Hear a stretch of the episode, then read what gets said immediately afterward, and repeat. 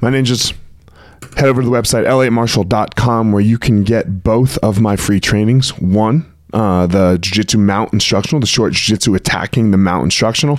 And then two the how to start your day like a champion how to a good morning or uh, everyday routine so that you can get up start your day with skill and move through the rest of your day skillfully. So head over to the website elliottmarshall.com grab the routines grab the jiu-jitsu training don't forget, if this podcast is helpful for you, uh, helpful to you, especially the Monday morning motivational, or if you are enjoying the interviews that I'm doing, please like, share, comment. Okay, uh, wherever you're listening, all of those things would be great. Send it to a buddy, send it to a homie that you think could use the message. So share the podcast. That would greatly be appreciated. Like it, review it. All super helpful for me. I really appreciate it. Good morning, everyone. I hope you're doing well and I hope you're having a great day when whenever wherever it is you're listening to this. You know those feelings that we get, you know? We talked a little bit about it last week, like what to do with those feelings, you know? Uh, we all get we all get them. You know, you get really crazy sad feelings, really crazy happy feelings, and sometimes they come up for no reason. Sometimes they come up for a reason. Sometimes uh, they last a while, and sometimes they don't last that long. I want you all to realize something. In each and every moment, your feelings don't really matter. Do they matter in the long run? Yeah, th- this is a duality, right? Like how if you're constantly feeling bad, it does really really matter. Okay? But in this very moment,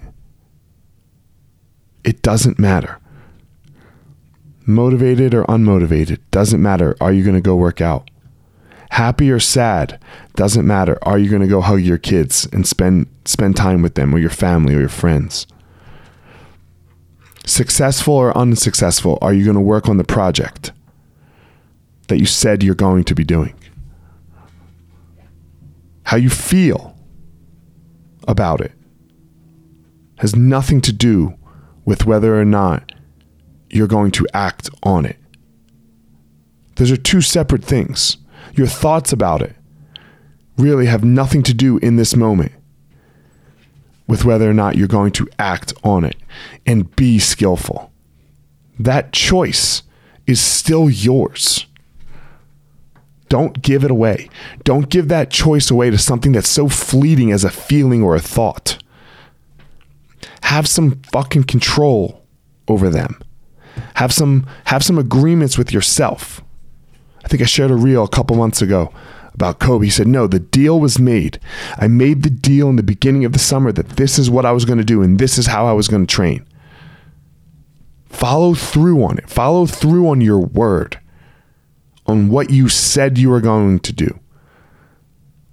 Don't let it be fleeting based on how you're feeling or what your thoughts are. Have some goddamn integrity. That's what real integrity is.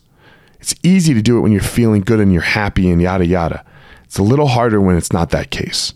But real integrity is doing what you said you would go. You said you were going to do. So do what you said you were going to do.